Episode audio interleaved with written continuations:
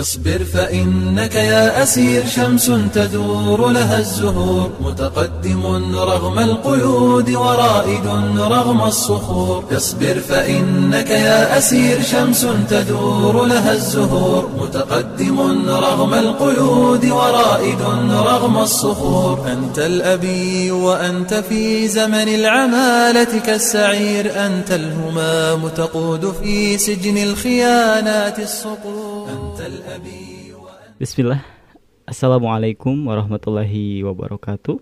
Alhamdulillahilladzi binikmati zatikum solihat Allahumma sholli ala Muhammad wa ala ali Muhammad. Ababad Mendengar di mana pun berada Kembali kita berjumpa Melalui jalan udara 99.3 Fajar FM Suara Kebangkitan Islam Berjumpa kembali bersama saya Maiki di gelaran ngopi ya Ngobrol parenting islami Di edisi Ahad tanggal 26 Juli 2020 Masehi Atau berpatan dengan tanggal 5 Zulhijjah 1441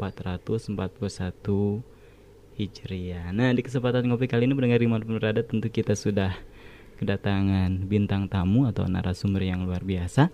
Seperti biasa dari STAI Al-Hidayah Bogor. Ya beliau juga adalah salah satu dosen di sana yang mengajar di sana. Ada Ustadz Muhammad Priyatna MPDI Ustadz ini M-nya Muhammad benar Ustadz? M-nya Muhammad. Muhammad. Baik tahu khawatir salah ini. Ya. di ngopi kali ini insya Allah kita akan dengan sebuah tema hak-hak anak. Ada hak anak apa aja sih yang harus ditunaikan oleh orang tua terhadap anaknya tentu anak adalah titipan ya dari Allah Subhanahu wa taala yang mana suatu saat kita akan dimintai pertanggung jawaban. Baik, kita akan sapa dulu narasumber kita yang sudah hadir ada Ustadz Muhammad Priyatna MPDI. Assalamualaikum warahmatullahi wabarakatuh Ustadz. Waalaikumsalam warahmatullahi wabarakatuh. Sehat Ustadz ya? Alhamdulillah. Khair. Masya Allah. Uh, keluarga sehat keluarga sehat. Anak-anak sehat kan? Alhamdulillah. Masya Allah. Mendengar di malam berada demikianlah ya. Alhamdulillah narasumber kita dalam keadaan sehat walafiat dan mudah-mudahan Allah Subhanahu Wa Taala senantiasa menjaga beliau karena kita butuh ilmu tentunya ya dan insya Allah di kesempatan pagi hari ini juga beliau akan menyampaikan informasi yang sangat berharga terutama seputar parenting ya. Uh, seputar keluarga Islami tentunya. Nah, kita akan gali ilmunya dari beliau dan Ustadz, kita temanya hak-hak anak ya. Betul. Ada hak anak apa saja yang harus ditunaikan orang tua kepada anaknya yang di mana mungkin ketika hak-hak anak ini tidak ditunaikan eh, pertanggungjawabannya berat juga Ustaz ya nanti di akhirat Betul. karena ya setahu Maiki sendiri uh, anak adalah titipan dari Allah Subhanahu Wa Taala yang harus kita jaga sebaik-baiknya baik Ustaz uh, silakan sapa pendengar dan apa aja sih hak-hak anak yang harus diberikan oleh orang tua طيب بسم الله الرحمن الرحيم نحمده ونستعينه ونستغفره ونعوذ بالله من شرور أنفسنا ومن سيئات أعمالنا من يهده الله فلا مضل له ومن يضلل فلا هادي له أما بعد pendengar radio Fajri yang berbahagia dan uh, Maiki Jakul Heran kami bisa diberikan kesempatan hari ini untuk sedikit uh, apa namanya sharing ya mm -hmm.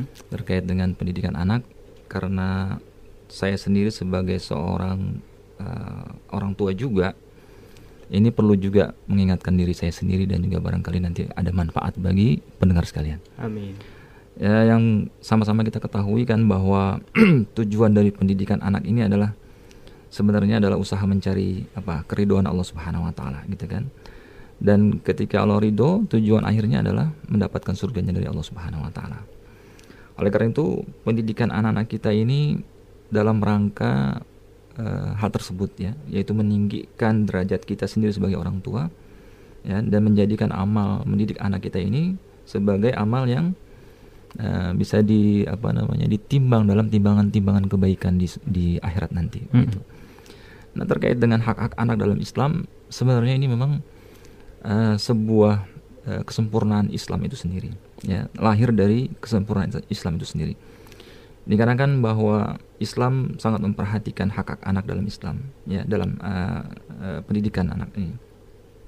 Sebagaimana kita ketahui secara umum misalnya hak hak anak ini juga dibahas dalam uh, apa namanya pembahasan-pembahasan di dunia modern ini ya. Misalnya kalau kita ketahui kita punya catatan ya bahwa Perserikatan Bangsa-Bangsa pada tahun uh, 1989 ini mengeluarkan yang namanya Konvensi Hak-Hak Anak dalam PBB itu. Gitu ya. Ini kemudian juga diperkuat lagi di dalam undang-undang negara kita sendiri ya, Indonesia. Ini kita juga punya yaitu Undang-Undang Nomor 4 tahun 1979. Ya, yang kita kenal dengan apa? Lima hak anak. Ya, anak hak pemeliharaan, gitu ya hak kesejahteraan hak kesetaraan gitu ya dan dan lain sebagainya.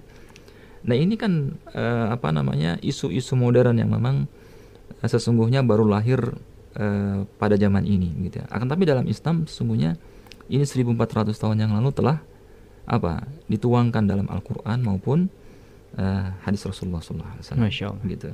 Nah, kalau kita mau sarikan ya, ini ada kurang lebih dan karena pembahasan kita singkat mungkin kita singkat menjadi tujuh saja ya pertama dalam Islam itu ya yang kita sarikan dari Al-Quran dan Hadis misalnya hak untuk hidup dan tumbuh berkembang.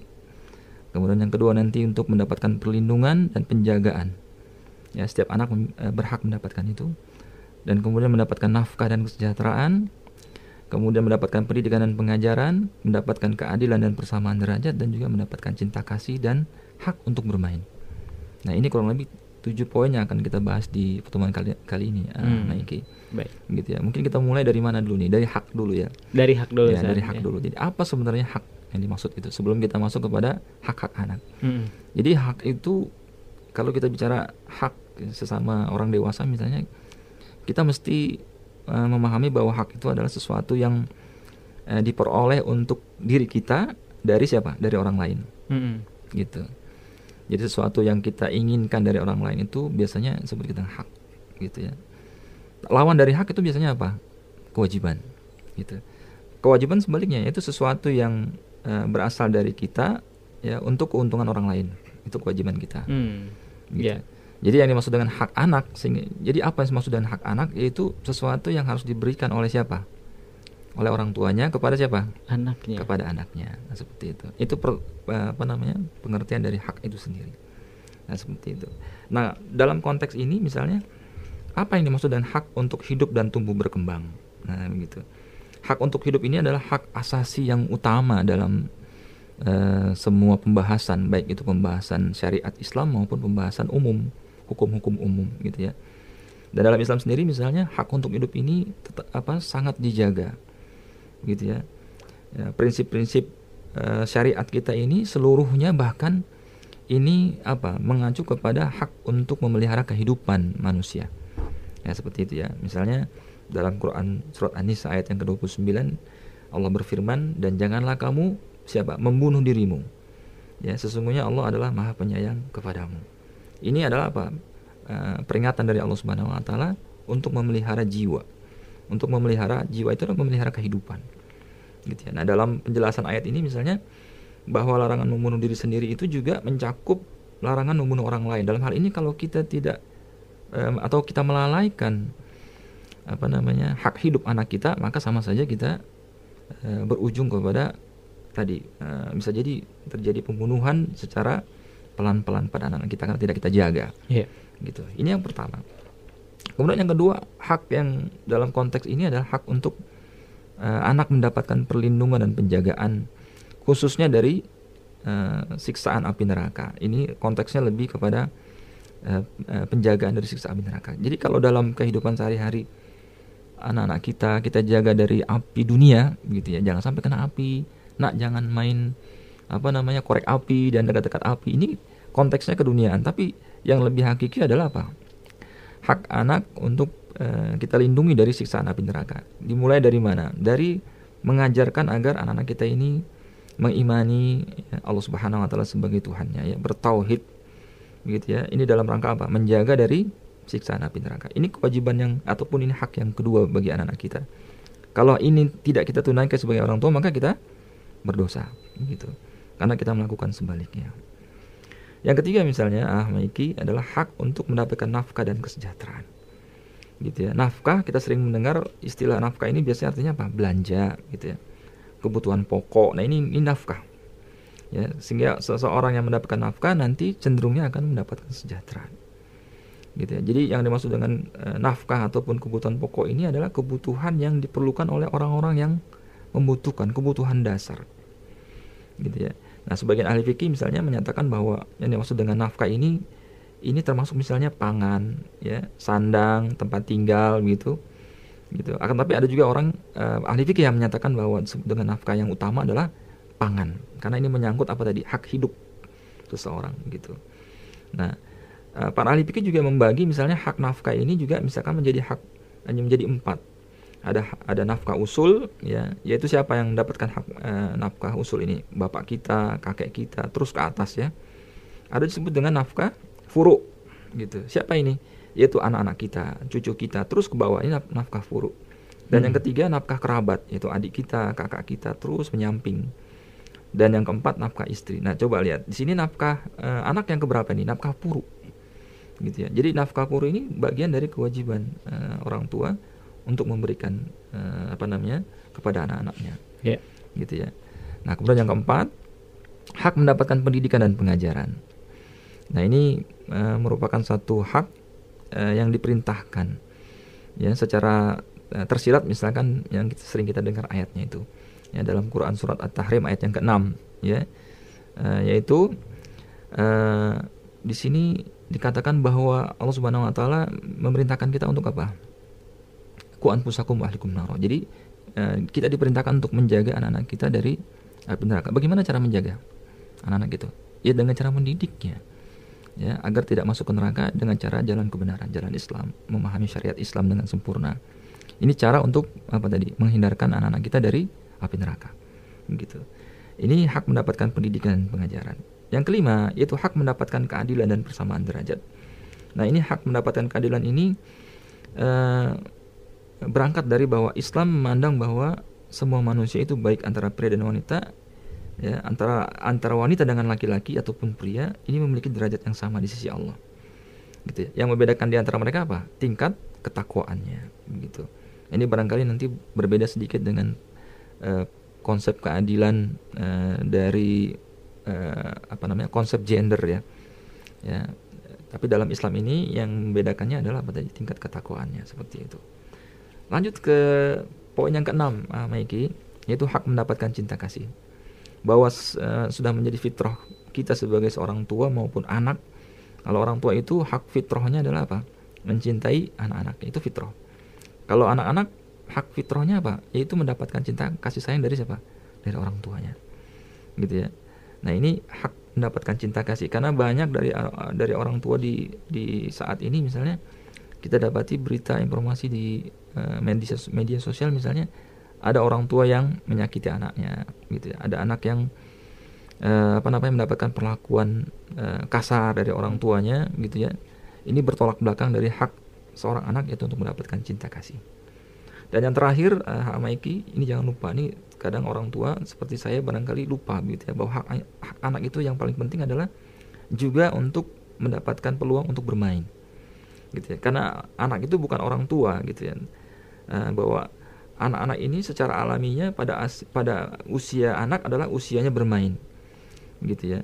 Usia bermain dan secara psikologi misalnya bahwa bermain itu adalah bagian dari uh, apa namanya eksplorasi anak untuk belajar. Gitu ya. Eksplorasi anak untuk uh, apa namanya uh, menyalurkan uh, hasratnya gitu ya sebagai seorang anak-anak sehingga ketika ini terpenuhi maka anak-anak tersebut menjadi uh, diharapkan menjadi anak-anak yang memiliki jiwa yang sehat begitu ini uh, tujuh hak anak yang mungkin secara singkat bisa kita sampaikan di kesempatan kali ini yang mudah-mudahan menjadi pengingat bagi saya gitu ya Adapun di luar hak ini banyak sekali hak-hak anak yang mungkin bisa kita ambil ya, kita intisarikan dari Al-Qur'an dan Sunnah. Uh, tapi mungkin barangkali di kesempatan kali ini uh, itu saja yang bisa saya berikan. Mudah-mudahan menjadi pengingat bagi diri, bagi diri saya sendiri dan juga bagi pendengar sekalian. Wallahu a'lam. Amin ya Allah ya alamin Demikianlah mendengar di mana pun berada tadi uh, informasi yang sangat berharga ya terkait hak-hak anak yang mudah-mudahan bisa kita tunaikan kepada anak-anak kita.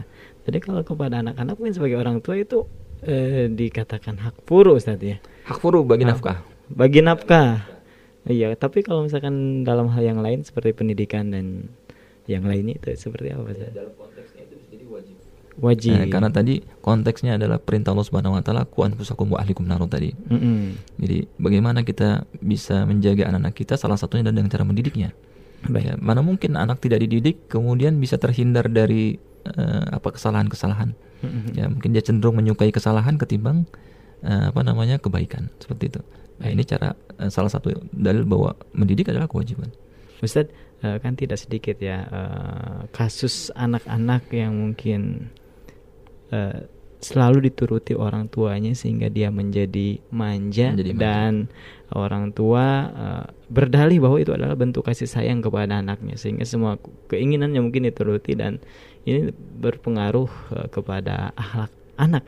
Nah, dalam Islam sendiri gimana Ustaz eh, bentuk kasih sayang seperti itu ketika anak eh, keinginannya selalu diikuti oleh orang tua. Apakah itu kasih sayang yang baik atau seperti apa? Ya, ini memang sering di di apa namanya didiskusikan ya tentang masalah ini. Sebatas apa sih sebenarnya manja itu diperbolehkan Mhm. gitu. Dan sebatas mana sebenarnya kasih sayang orang tua itu terhadap anaknya. Jadi kalau eh, dikatakan manja itu seharusnya tidak menghalangi seseorang ya orang tua khususnya ini untuk bertindak tegas pada eh, batasan larangan-larangan yang telah digariskan oleh syariat Islam. Jadi ketika anak memang telah eh, masuk kepada koridor apa namanya larangan yang dilakukan maka itu dicegah dan tidak pada konteks manja di situ. Itu konteksnya kasih sayang. Hmm. Ya, kalau dibiarkan maka konteksnya bukan bukan kasih sayang tapi konsep membiarkan anak terjerumus kepada kesalahan. Iya, iya, iya. Jadi itu konteksnya bukan konteks kasih sayang itu, Hmm. tapi konteks membiarkan justru konteks eh, apa eh, mencelakakan anak. Iya, Ya, iya. bertolak belakang dari tujuan untuk memberikan kasih sayang. Mm-mm. Gitu. Ketika dia sayang maka laranglah, Eh, cegahlah eh, anak dari berbuat kesalahan.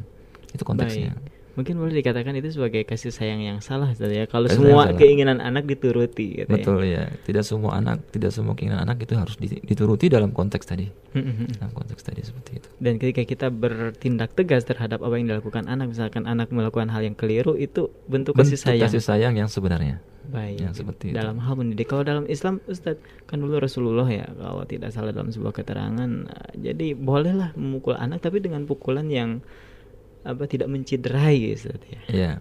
Nah, itu itu itu masuk dalam konteks yang tadi sama-sama kita Mm-mm. diskusikan Ya. bahwa sesungguhnya itu bentuk dari kasih sayang eh, pencegahan dari anak eh, berbuat kesalahan seterusnya. Iya, iya. Ya. Walaupun konteksnya tadi dibatasi oleh eh, Mm. hal-hal seperti itu yang dicontohkan oleh Rasulullah bagaimana Iya. bentuk pukulannya, Mm-mm. bagaimana bentuk eh, apa namanya? perlakuan kepada anaknya dan sebagainya.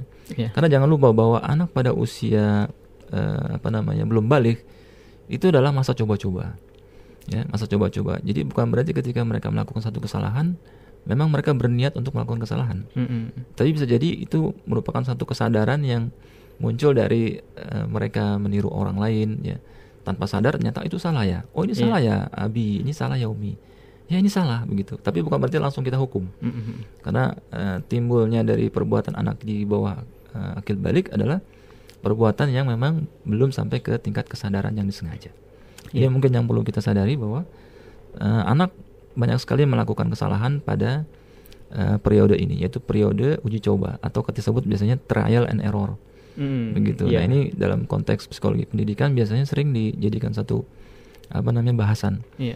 bahwa perbuatan yang disadari betul gitu oleh orang-orang dewasa ini sifatnya bisa jadi permanen. Tapi Hmm. kalau bagi anak-anak ya perbuatan eh, yang sering menjadi sebuah eh, kesalahan norma pada orang-orang dewasa biasanya itu adalah pembelajaran normal bagi anak-anak eh, apa namanya masih di bawah akil balik.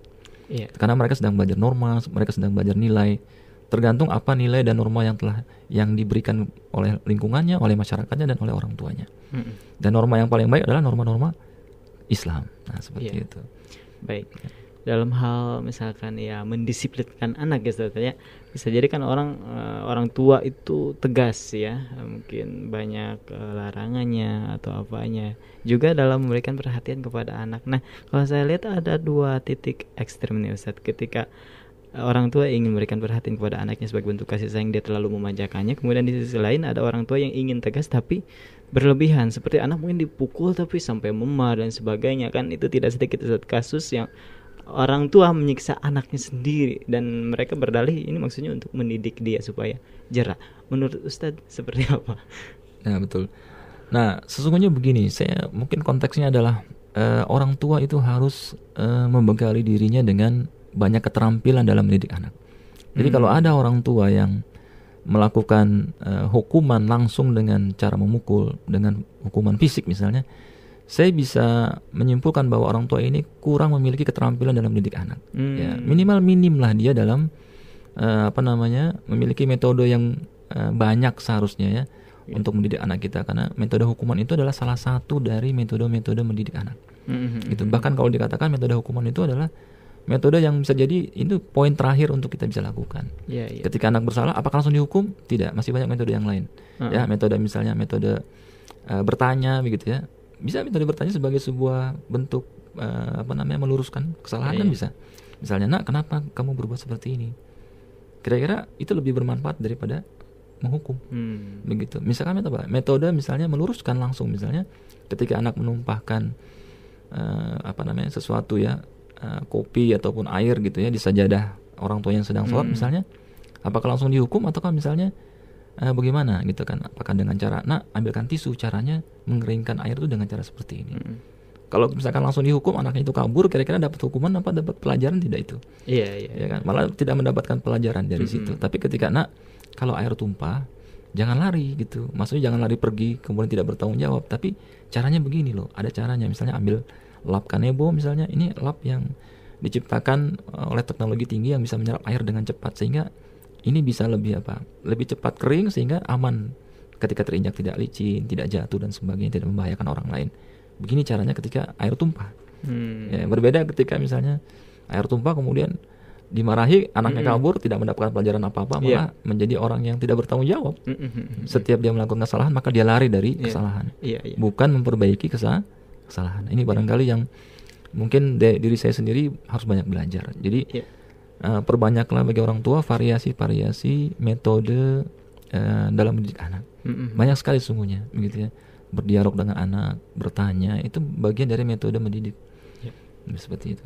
Ustadz, uh, mungkin ini masuknya dunia psikologi ya. Uh, kalau dalam bahasa Sunda itu ada istilah yang namanya dengar kalongan. Maksudnya ketika anak dididik, maksudnya ya dihukumlah dengan terlalu keras sehingga mengakibatkan kepada anaknya itu apalah istilah dalam dunia psikologi jadi jadi apa pendiam karena terlalu di apa ya dikerasin sama orang tuanya betul. itu gimana Ustaz? betul ya ya ini memang salah satu uh, efek negatif dari uh, tadi kurangnya mm -hmm. orang tua dalam mengilmui ataupun uh, memahami metode dalam mendidik anak karena tidak memperkirakan sesungguhnya dalam bentuk hukuman atau dalam bentuk hal-hal yang seperti itu itu mengandung efek yang bisa jadi uh, dalam uh, hmm. apa namanya efeknya yeah.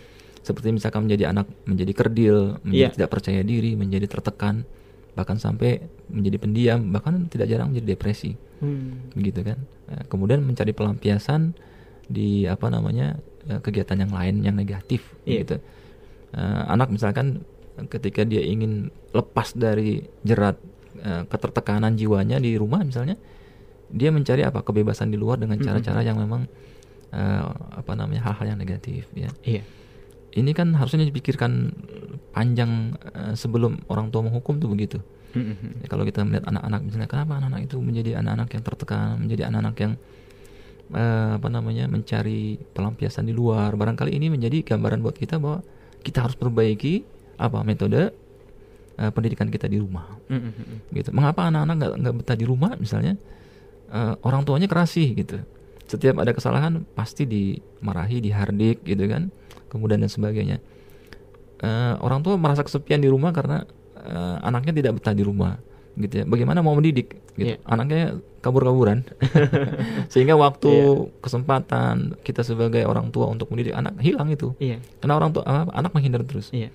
Gitu nah, ini salah satu kenegatifan uh, yeah. akibat dari tadi kurangnya kita sebagai orang tua misalnya mempelajari bagaimana sebenarnya uh, berinteraksi dengan anak seperti itu. Hmm. Baik. Ustadz di sisi lain juga eh, Ustadz tadi bilang ya bahwa salah satu hak anak ya adalah eh, mendapatkan cinta dan kasih sayang dari orang tua ya hak fitrahnya dan orang tua memberikan kasih sayang kepada anaknya.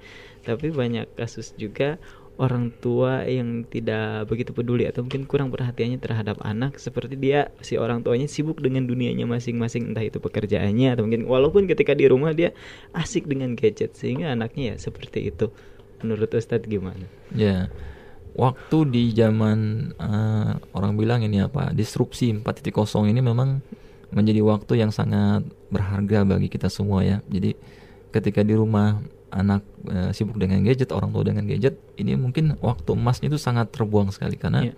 waktu anak waktu pada masa periode anak ini masa yang tidak bisa datang uh, dua kali hmm. dalam kehidupan anak. Ya, masa-masa emas bagi orang tua untuk apa namanya bergaul ya menggauli anaknya begitu memberikan kasih sayang yang sempurna yang maksimal kepada anak-anaknya dan orang dan anak pun mendapatkan apa hak untuk mendapatkan kasih sayang yang maksimal di dari orang tuanya itu sebenarnya pada pada waktu itu. Jadi sehingga coba kita eh, apa namanya renungkan kembali saja.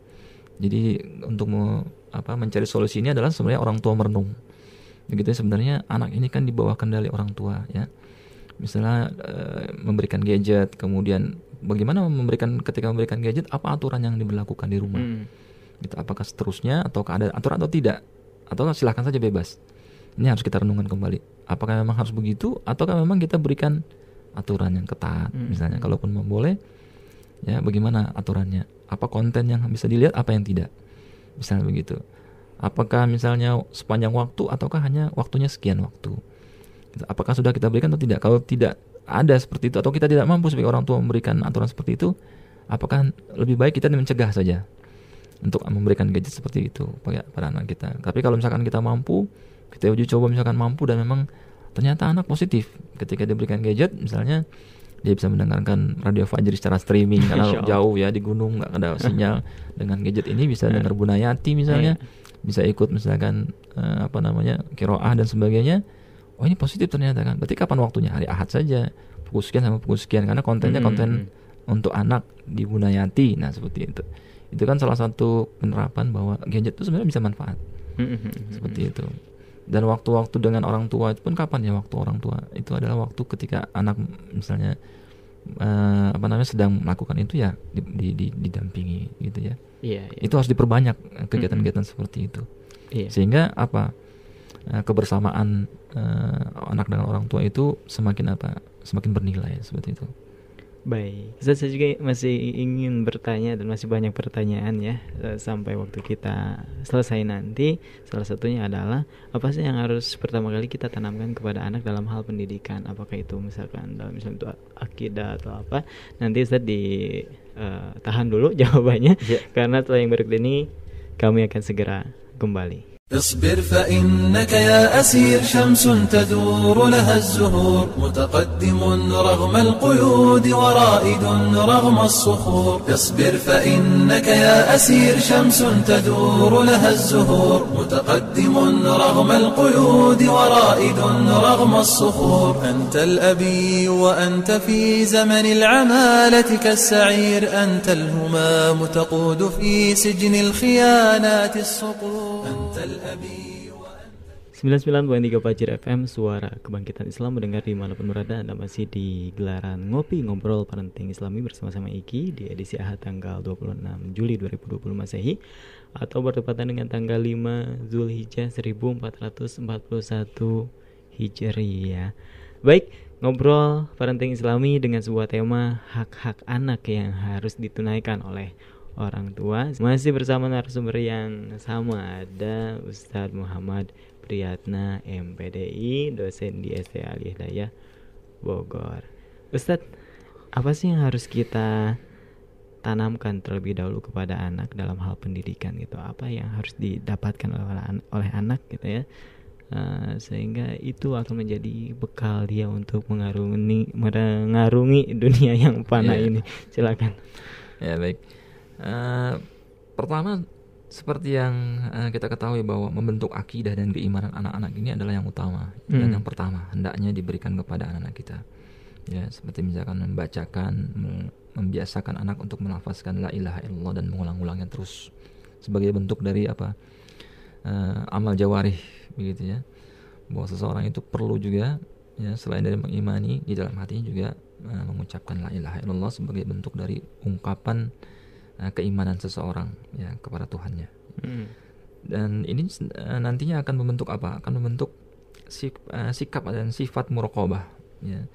Yaitu senantiasa apa? Ya, senantiasa bahwa ada perasaan bahwa kita senantiasa dijaga oleh Allah Subhanahu wa taala dan selalu dalam pengawasannya. La ilaha illallah. Seperti itu. Dan kemudian apa lagi? Eh, selain dari membentuk akidah dan keimanan ya dengan beberapa eh, isinya juga kita juga perlu untuk membentuk keilmuan dan pengetahuan anak-anak kita. Karena dengan keilmuan dan pengetahuan iman itu menjadi sempurna. Iya. gitu. Jadi ketika kita mengatakan antum harus beriman ya bahwa nak eh, iman itu penting dan sebagainya kemudian apa ilmu untuk beriman? Ya apa ilmu untuk mengimani Allah? Gitu. Eh, bagaimana Allah bisa dikenali tanpa ada eh, pembentukan keilmuan tentang Allah Subhanahu wa taala. Jadi membentuk keilmuan dan pengetahuan anak ini menjadi satu hal yang yang penting, mengajarkan Al-Qur'an, mengajarkan sunnah, belajar sirah Nabi ya. eh, belajar tentang akhlak dan perilaku Nabi dan seterusnya. Ini sebagai satu kesatuan dari pembentukan keilmuan dan pengetahuan anak. Ya, setelah itu apa? Membentuk akhlak, Mm-mm. ya perilaku yang sopan ya kemudian membentuk sisi-sisi sosial karena jangan lupa anak kita ini adalah makhluk sosial ya manusia adalah makhluk makhluk sosial jadi jangan lupa ketika bergelut dengan ilmu bergelut dengan keimanan ya bahwa manusia juga butuh bersosialisasi dan dalam hal ini adalah bentuk sosialisasinya salah satunya adalah me- membiasakan anak untuk berdakwah misalnya Mm. ya menyampaikan eh, ilmu yang didapat tentang keimanan, tentang ketauhidan, tentang akhlak, tentang akidah dan sebagainya ini bentuk dari apa praktek sosialnya adalah dalam bentuk menyebarkan Islam kepada eh, masyarakatnya ya. Mm-mm. Nah, itu mungkin salah satunya. Baik, jadi hal yang harus pertama kali kita tanamkan kepada anak ya dari sisi pendidikan mungkin ya sebagai bekal dia adalah akidah yang benar tentunya. Kemudian tanamkan juga akhlak yang benar diajarkan adab-adab Ustaz ya. Betul. Dibiasakannya dari kecil mungkin minum pakai tangan kanan sambil duduk Ustaz. Demikian Betul. juga makan sebelum makan ya baca bismillah terlebih dahulu dan lain sebagainya. Ustaz, sambil berjalan ini sudah ada pertanyaan yang masuk di meja redaksi. Kita akan tanggapi. Assalamualaikum Waalaikumsalam warahmatullahi wabarakatuh. Eh, Pak Ustadz, mohon maaf, saya mau tanya harus bagaimanakah saya sebagai seorang ibu menghadapi sikap seorang bapak? Oh, berarti ini anaknya udah besar seorang bapak ya, anaknya mertua ini Ustadz. Heeh. Eh, yang selalu berlaku kasar terhadap anak-anaknya. Oh, saya sebagai seorang ibunya sangat sedih kalau bapaknya anak-anak itu suka ngerasin terus anak-anaknya Pak Ustadz menghadapi bapaknya anak-anak yang selalu berlaku kasar sama anak-anaknya. Saya sebagai seorang ibunya anak-anak, saya sedih kalau bapaknya anak-anak eh, selalu ngasarin anaknya. Bahkan saya selaku istrinya juga selalu dikasarin sama dia. Ustadz, itu Ya. seperti apa? Baik, Bismillahirrahmanirrahim. Ini mungkin satu fenomena ya eh, di kehidupan kita sehari-hari. Mungkin karena eh, yang namanya bapak itu itu memiliki apa namanya beban yang lebih ketimbang dengan anggota keluarga yang lain mencari nafkah ya kan? Mm-mm. kemudian juga eh, belum lagi kewajiban-kewajiban yang harus ditunaikan yang lainnya dalam pekerjaannya dalam kehidupan sehari-harinya begitu juga dengan rumah tangganya begitu ya nah di di kondisi tersebut tidak jarang memang pada akhirnya bapak ataupun seorang ayah ini sesekali eh, muncul ya apa namanya sikap seperti itu sikap Mm. kadang seperti kasar dan sebagainya kepada keluarganya kepada anaknya. Mungkin ini eh, hal seperti tadi itu. Mungkin eh, hal yang perlu dilakukan bagi seorang ayah seperti ini atau seorang istri yang menasihati kepada suaminya tentu saja tadi memberikan nasihat. Ya karena yang paling mengenal suaminya adalah istrinya kan? Mm-mm. karena setiap hari bertemu kapan memberikan nasihat kepada suami yang tepat tuh kapan tentu saja bukan pada waktu setelah pulang kerja itu kan. Iya, capek iya. masih keringetan Mm-mm. dinasihatin. Begini ya pak ya gitu. Wah, langsung nanti bisa jadi marah gitu kan. Tapi sejak kapan misalkan suami itu paling enak diajak ngobrol? Nah di saat itulah mungkin eh, istri bisa memberikan masukan misalkan pak ayah atau abi misalnya. Eh, kira-kira bisa nggak sih kita diskusi nih ada yang mau diskusikan masalah apa misalnya? Bagaimana misalnya mendidik anak-anak kita? Anak-anak kita ini sebenarnya butuh kasih sayang loh gitu Mm-mm. kan. Misalnya si adik itu sering loh nanyain ayah kalau ayah lagi kerja kangen dan sebagainya. Sehingga si ayah tuh mungkin dari situ merasa oh oh ternyata anak-anak ini ya memberikan perhatiannya kepada ayahnya gitu. Selama ini mungkin belum kepikiran ya bahwa oh ternyata anaknya seperti itu ya gitu kan. Ayah seorang ayah walaupun bagaimanapun eh, apa namanya mudah-mudahan akan terketuk dengan dengan nasihat-nasihat seperti ini. Bukan dengan cara menceramahinya karena suami juga punya ego kan terhadap istrinya terhadap anak-anaknya.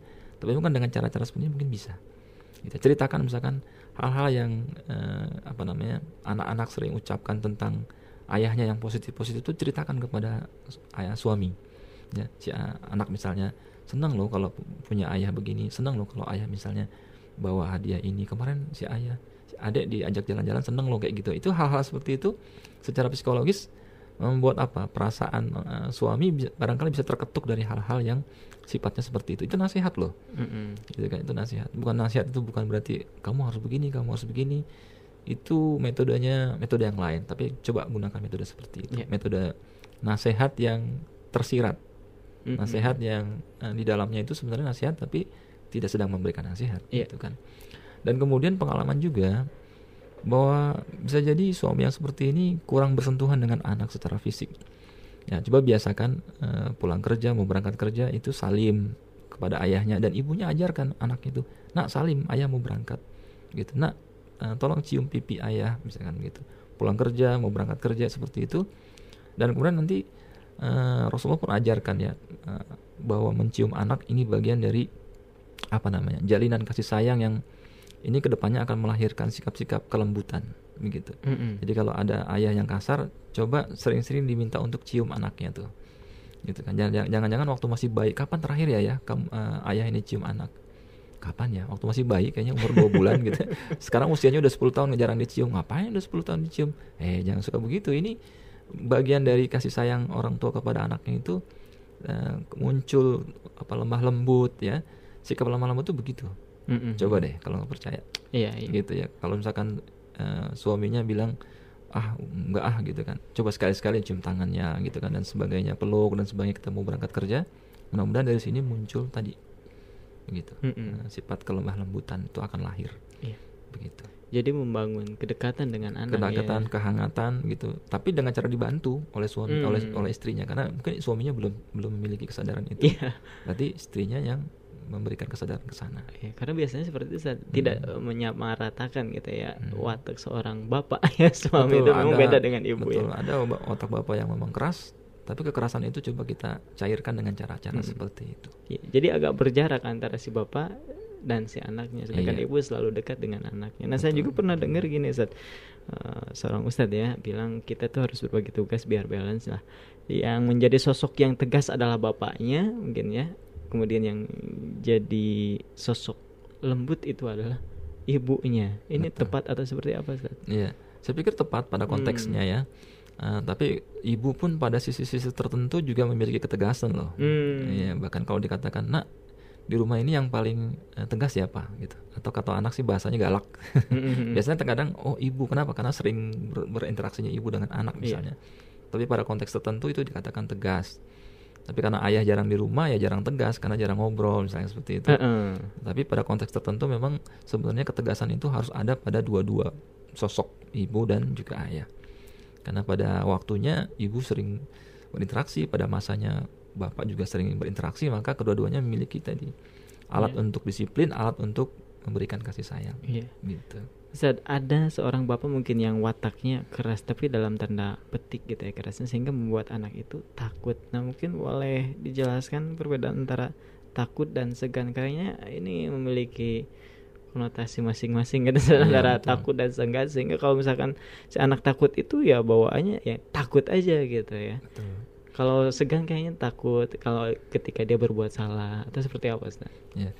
Seharusnya memang anak itu eh, berinteraksi dengan orang tuanya itu lebih kepada segan daripada takut. Hmm. Itu kan normalnya harusnya begitu. Iya. Akan tetapi memang kalau orang segan itu muncul dari sesuatu yang positif pada diri seseorang. Hmm. Ya, Tapi ya. kalau takut biasanya eh, muncul dari sesuatu yang negatif dari seseorang. Mm-mm. Itu kalau ada orang bawa golok kita takut apa segan? Takut. Takut karena negatif ya. Iya. Tapi kalau orang itu misalkan berilmu, kemudian dia berakhlak baik dan sebagainya, misalkan yang muncul segan bukan takut, walaupun dia nggak bawa golok, gitu ya. Jadi ketakutan itu sesuatu yang biasanya negatif. Kalau ada orang takut sama kita, mungkin kita harus mengevaluasi diri. Iya. Oh anak-anak kita kok takut ya sama Iya. saya? Bi, eh, misalnya kenapa sih anak ini takut loh sama Abi? Mm-mm. Nah mungkin seorang Abi yang eh, di- di- diberitakan seperti itu harus informasi apa evaluasi itu, Hmm, gitu ya.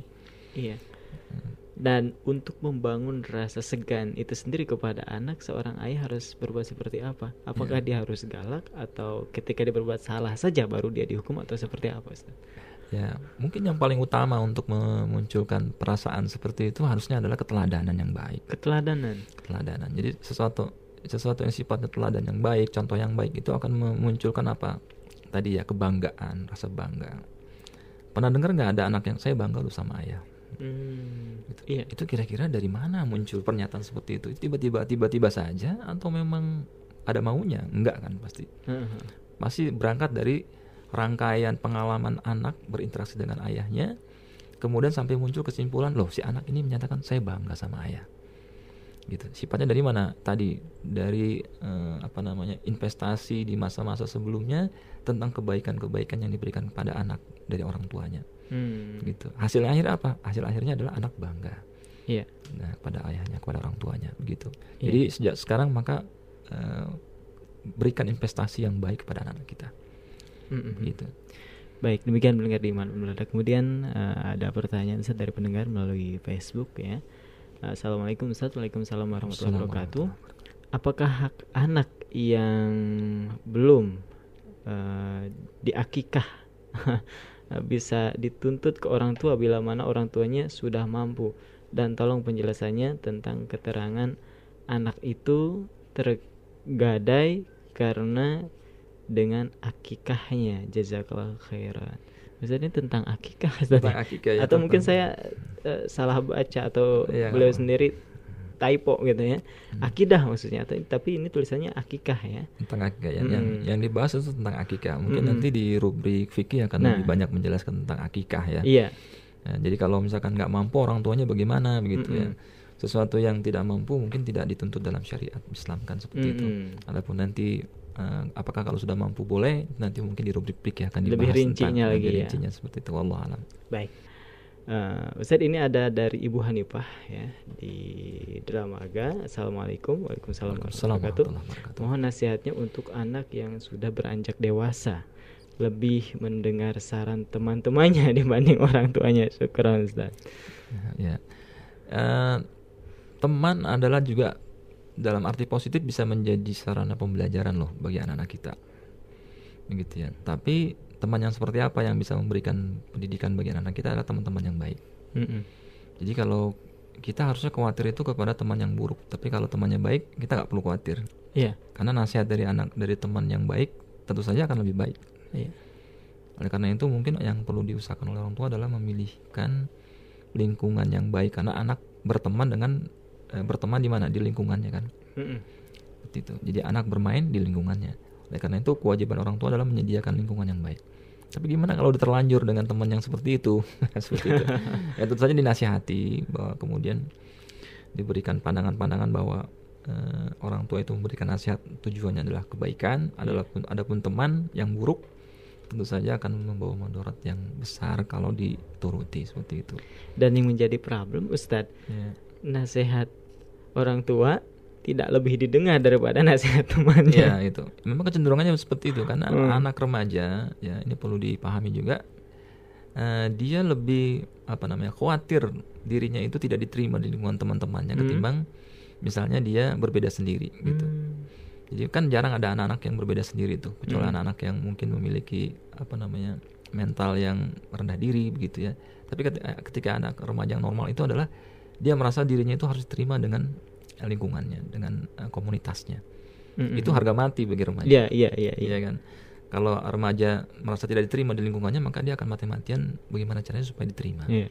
Nah ini harus kita berikan pengertian bahwa sesungguhnya teman itu adalah bagian dari apa namanya wadah saja, bukan segala sesuatunya eh, diberikan untuk itu. Iya. ya bahwa an- antum akan atau anak-anak kita ini akan kembali ke rumah juga pada akhirnya seperti itu Iya. Nah, seperti itu Baik, kalau misalkan si orang tua karena misalkan dia nasihatnya kurang bisa didengar oleh anaknya, bolehkah misalkan si orang tua meminta bantuan yang lainnya atau orang lain yang dianggap disegani oleh anaknya kemudian nasihatnya bisa diterima, Ustaz? bisa Eh, itu bahkan sebenarnya salah satu solusi dan salah satu metode yang lain dalam Mhm. dalam mengajar anak mendidik anak ya misalnya guru gurunya biasanya ya kalau di sekolah itu misalnya kan Mhm. Eh, kemudian juga kalau di rumah misalnya apakah ada guru ngaji kan begitu ya Iya. atau ada teman-temannya lain yang memang bisa memberikan pengaruh yang besar kepada dia bisa Iya. ya kan ayahnya misalnya kalau ibunya nggak nggak didengarkan begitu Nah, pamannya bahkan ada anak-anak yang dekat dengan pamannya dengan bibinya dengan kakeknya bahkan Hmm. siapa pun yang bisa memberikan kebaikan eh, kepada anak kita maka maksimalkan Iya. maksimalkan seperti itu Iya. ya. Jadi lingkungan sangat berpengaruh atau Lingkungan pergaulan berpengaruh. ya terhadap Pergaulan, betul. anak. Nah itu kan mungkin konteksnya masih umum Ustaz. Da- kalau dalam hal pendidikan, dalam hal sekolah misalkan yang baik itu misalkan dia harus sekolah eh, sekolah yang seperti apa atau lingkungannya seperti apa. Mungkin Ustaz ada saran. Iya baik. Tentu saja lingkungan yang paling baik adalah lingkungan sekolah-sekolah Islami. Apakah sekolah umum tidak baik? Sekolah umum juga baik, gitu. Tapi sesuatu yang bernama Islami tentu mati-matian orang akan membangun citra Islaminya. Hmm. Dengan dengan sekolah umum gitu. Sekolah umum kan tidak wajib Islami. Ya. Tapi kalau sekolah Islami wajib Islam. begitu. Mm-mm. Oleh karena itu kita mulai dari sekolah Islam. Tapi sekolah Islam juga banyak kok yang eh, sekolah umum banyak kok yang lebih Islami dari Islam gitu. Nah berarti itu eh, satu hal yang eh, perlu kita pilih dengan baik bagi orang tua bahwa mencari sekolah itu adalah eh, satu pertaruhan pendidikan bagi anak-anak kita ya. Kita kan menitip sesuatu yang paling berharga nih itu Hmm. anak-anak kita. Oleh karena itu pelajari, kemudian kalau perlu datangi, kemudian eh, alami sendiri bagaimana sih sekolah itu ya menangani anak-anak kita itu bagaimana itu penting sekali itu Ya. gitu dengan memberikan jaminan seperti itu oh, yakin misalnya maka eh, Bismillah kita kita apa titip anak-anak kita di sana ya jadi kuncinya pastikan Ya. gitu jangan kata orang dan sebagainya mungkin kita belum melihat sendiri nah, tentu saja itu menjadi satu yang sifatnya apa coba-coba ya Hmm. buat anak kok coba-coba kan gitu ya nah, sebaiknya Iya, iya. pastikan gitu kurikulumnya ustadz-ustadznya gitu ya kemudian apa namanya eh, cara memperlakukan anaknya dan sebagainya itu itu penting sekali Baik. Kalau STI Al Hidayah sendiri recommended nggak Ustaz? ya kalau saya bilang eh, ST Al Hidayah ini salah satu lembaga pendidikan tinggi yang eh, sudah menghasilkan banyak eh, apa namanya lulusan-lulusan yang berkualitas ya secara akidahnya terjamin Mm-mm. secara akhlaknya kemudian secara keterampilannya pun sudah eh, terbukti di dunia kerja Mm. maupun di dunia keluarga begitu Hmm. karena banyak yang misalnya lulus kemudian langsung menikah gitu nah, itu kan bagian dari praktek bahwa eh, dalam syariat Islam eh, segera menikah itu baik Masya Nah, gitu nikah kan. dini ya Ustaz kemudian ya. setelah itu mendapatkan pekerjaan yang baik menjadi membina keluarga yang sakinah mawaddah warahmah gitu kemudian pada akhirnya eh, apa namanya membawa nama baik saya di masyarakat seperti Hmm, itu jadi- jadi, dire- direkomendasikan Mm-mm. sangat direkomendasikan Kalau melihat bagus tidaknya sebuah universitas atau sekolah itu bisa dilihat dari alumninya Ustaz ya. salah satunya dengan alumninya Iya. ya. Bagaimana kiprah mereka alumninya begitu ya. Kemudian bagaimana eh, apa, masyarakat menilai kualitasnya ya. Menggunakan jasa mereka dalam apa namanya kegiatan-kegiatan masyarakat dan kelembagaannya begitu. Mulai dari eh, bekerja di aparatur pemerintahan ya. Sekolah-sekolah negeri kalau yang pendidikan misalnya kalau yang syariah misalnya menjadi petugas-petugas eh, apa namanya keagamaan di KUA dan sebagainya Mhm. begitu dan dan lembaga-lembaga yang lain dan sebagainya gitu Iya. Hmm, Baik, tentu mungkin bagi kita pendidikan Islam itu sangat penting sekali Ustaz. betul Tapi kan ada juga yang mendikotomikan antara pendidikan umum dan pendidikan akhirat atau pendidikan Islami. Katanya ada yang bilang harus balance lah atau seperti apa. Nah, tanggapan Ustaz seperti apa Ustaz? Lebih penting mana mungkin? ya kedua-duanya penting Dua-duanya ya. penting. Eh, bekal di dunia kita ini bekal eh, seseorang di akhirat itu ya tidak bisa didapat kalau misalnya tidak tidak bisa mendapatkan bekal eh, untuk kehidupan di akhirat jadi eh, bekal dunia ini adalah bekal untuk meraih eh, kehidupan kita di akhirat Mm-mm. ya misalkan mau berangkat haji ya kalau jalan kaki mungkin uh, luar biasa Ya. ya. Diperbolehkan tapi dengan adanya teknologi misalnya seseorang belajar teknologi akhirnya bisa memberangkatkan ribuan bahkan jutaan orang ke tanah suci dengan cara menaik pesawat itu itu bagian dari alat kita untuk mempermudah uh, peribadahan uh, peribadah apa ibadah kita kepada Allah Subhanahu wa taala begitu dan sebagainya. Jadi kedua-duanya harus dipelajari gitu ya. Tapi yang diutamakan tentunya uh, apa namanya ilmu-ilmu akhirat, ilmu syariat Hmm. yang diutamakan. Oh, jadi men- ada prioritas tadi ya. ada prioritas karena ilmu akhirat melindungi diri kita dari keterlenaan kita di dunia ini. Karena kebanyakan orang yang mempelajari ilmu-ilmu dunia misalnya malah mengingkari adanya Tuhan. Heeh. Nah, seperti itu. Nah, itu untuk melindungi itu ya, Ya. efek-efek negatif dari eh, ilmu pengetahuan seperti itu ya, mengagungkan ilmu, mengagung- mengagungkan akal, mengagungkan logika, maka harus dilindungi dengan ilmu-ilmu syariat. Mm-mm. Ya. Dan kenapa Ustadz hal yang seperti itu penyimpangan akidah yang dia terjerumus uh, berkutat di masalah logika oh, ini nggak logis Islam tuh gitu gitu adanya di universitas adanya di kampus-kampus Ustadz tidak di tempat lain apakah ini uh, apa nyambung sama apa sifat seorang pemuda yang dia memiliki sifat kritis Ustadz Betul, ya. Memang masa masa-masa mahasiswa ini adalah masa-masa eh, seorang manusia ini belajar banyak tentang eh, dirinya, tentang prinsip dia sebagai manusia. Orang Hmm. manusia itu hidup mau apa dan sebagainya. Dia sudah mulai berpikir pada masa remaja. Hmm. Itu kemudian tujuan dia apa? Apakah menikah, apakah bekerja dan sebagainya. Kemudian terkadang dia lupa gitu bahwa ternyata selain dari hal-hal itu juga yang lebih penting adalah dia ini eh, memiliki tugas yang mulia di dunia ini. Mm-mm. ya kan? Itu beribadah kepada Allah Subhanahu wa taala kemudian eh, mengajak orang untuk eh, beriman dan sebagainya begitu. Nah, terkadang itu porsinya kecil ketimbang dengan tadi dunianya tadi belajar Mm-mm. dunianya. Nah di dalam dunia mahasiswa terkadang yang disibukkan itu kan itu. Ya berorganisasi mencari teman mencari apa namanya mitra ya eh, dan sebagainya itu lebih penting buat mereka ketimbang mempelajari agama Mm-mm. Nah dari situ dimulai tadi itu ya ketergelinciran dalam masalah akidah dan sebagainya. Mm-mm. Ya, karena kekurangan porsi untuk belajar itu Ya. harusnya seimbang kan. Mm-mm. Makanya pilih universitas Islam iya supaya keseimbangan itu terjaga. Karena dari kurikulumnya, dari guru-gurunya, dari dosen-dosennya itu tercipta ataupun menciptakan eh, kondisi pembelajaran perkuliahan yang seimbang iya seperti itu. Baik, Ustadz masih ada pertanyaan ternyata dari pendengar. Eh, boleh? Boleh silakan. Yang pertama dari Zain Rama ini. Bismillah, Assalamualaikum warahmatullahi Waalaikumsalam wabarakatuh. Eh, semoga Pak Ustadz eh, dan Mang Iki selalu dilindungi Allah. Amin ya rabbal alamin. Pak Ustadz mau tanya, bagaimana cara agar kita sebagai orang tua selalu istiqomah dalam mendidik anak? Kadang kita sebagai orang tua ada rasa capek dan malas. Ustadz ini Nah, agar itu. istiqomah. Nah, tadi eh ah, coba baca lagi dan ulang-ulang lagi tadi At-Tahrim ayat 6 ya, ku anfusakum wa ahlikum naro. Ini merupakan perintah eh, kewajiban bagi seluruh eh, orang tua ketika ini dilalaikan maka dia berdosa. Gitu. Kalau orang berangkat dari prinsip bahwa ini suatu amanah, suatu suatu tugas, suatu kewajiban. Seperti kita bekerja saja. Ketika Hmm. bekerja misalnya tugas saya apa ya? Ada nggak pekerja yang misalnya tidak diberikan job desk misalnya itu bisa bekerja nggak kan nggak bisa dia. Ya. Tapi ketika orang tua merasa oh job desk saya sebagai orang tua adalah ini, ku anfusakum wa ahlikum naro, maka orang yang tidak melaksanakan pekerjaan kan tidak digaji. Hmm. Gitu. Ketika tidak digaji maka akan dihukum, dipecat, maka berakhir Iya. dengan buruk dan sebagainya gitu. Tapi ketika kita menganggap bahwa ini suatu hal yang wajib, apalagi datangnya dari sang pencipta, ya kan, jaminannya adalah surga, maka tentu saja kita harus mengejarnya. Hmm. Kalau orang nggak ngerti bahwa sesuatu yang besar itu di depan kita, kemudian kita nggak kejar, maka sangat sangat rugi kan gitu, Iya. sangat rugi sekali. Oleh karena itu penting bagi kita menanamkan bahwa eh, makna dari ayat ini adalah mewajibkan seluruh orang tua ya untuk menjaga anak-anaknya supaya nggak lalai, Ya.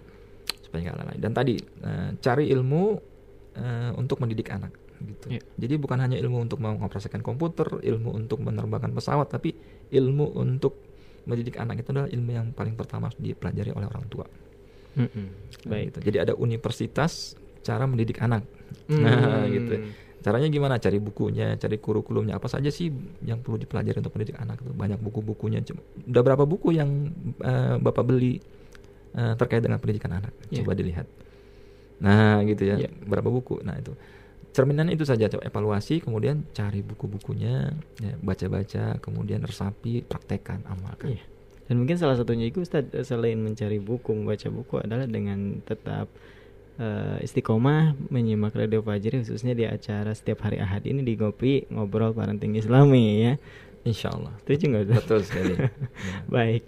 Demikian ya uh, jawaban untuk Zain Rama tadi. Kemudian masih ada Ustaz dari Nisa Salsabila. Uh, Ustaz mau tanya bagaimana caranya menum- memupuk memupuk ya anak usia balita yang masih berumur 11 bulan. Uh, orang tua kepingin kalau sudah besar jadi penghafal Al-Quran Sedangkan orang tuanya nggak bisa hafal Al-Quran Syukran Ustaz Ya baik. Bisa kita mulai dari eh, mendoakannya.